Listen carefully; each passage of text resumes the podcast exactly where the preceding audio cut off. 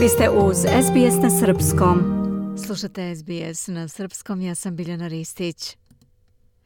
Ukoliko nova vlada Crne Gore bude formirana danas, mogla bi već u utorak 31. oktobra da izmeni uredbu o održavanju popisa stanovništva, dok iz vlade u tehničkom mandatu poručuju da ako još budu na vlasti od 1. novembra, tog dana će početi popis, Iz PES-a kažu da će nova vlada biti izabrana pre početka popisa i da će ga stopirati na vreme.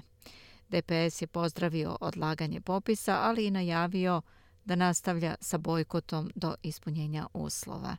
Milica Delibašić javlja se iz Podgorice. Nastavljaju se reakcije nakon najave novog premijera Crne Gore Milojka Spajića da će popis stanovništva biti odgođen do početka decembra.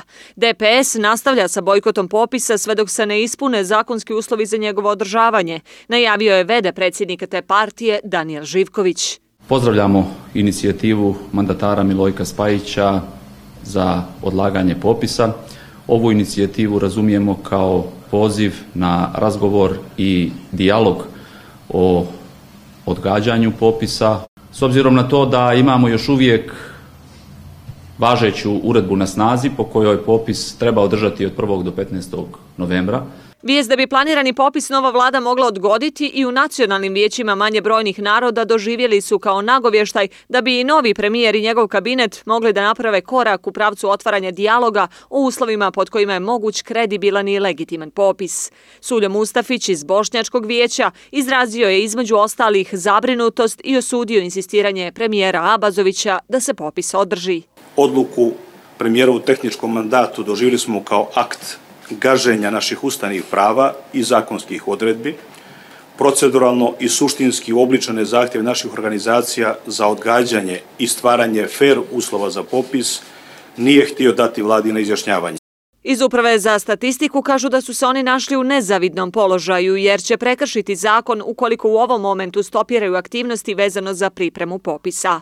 Monstat je u ovom trenutku, kako navode, najviše zabrinut za bezbjednost popisivača. Zato su od uprave policije dva puta tražili procenu bezbjednosti njihovog rada, odakle su odgovorili da će učiniti sve da osiguraju bezbjednost. Popis je bio tema i na sjednici odlazeće vlade.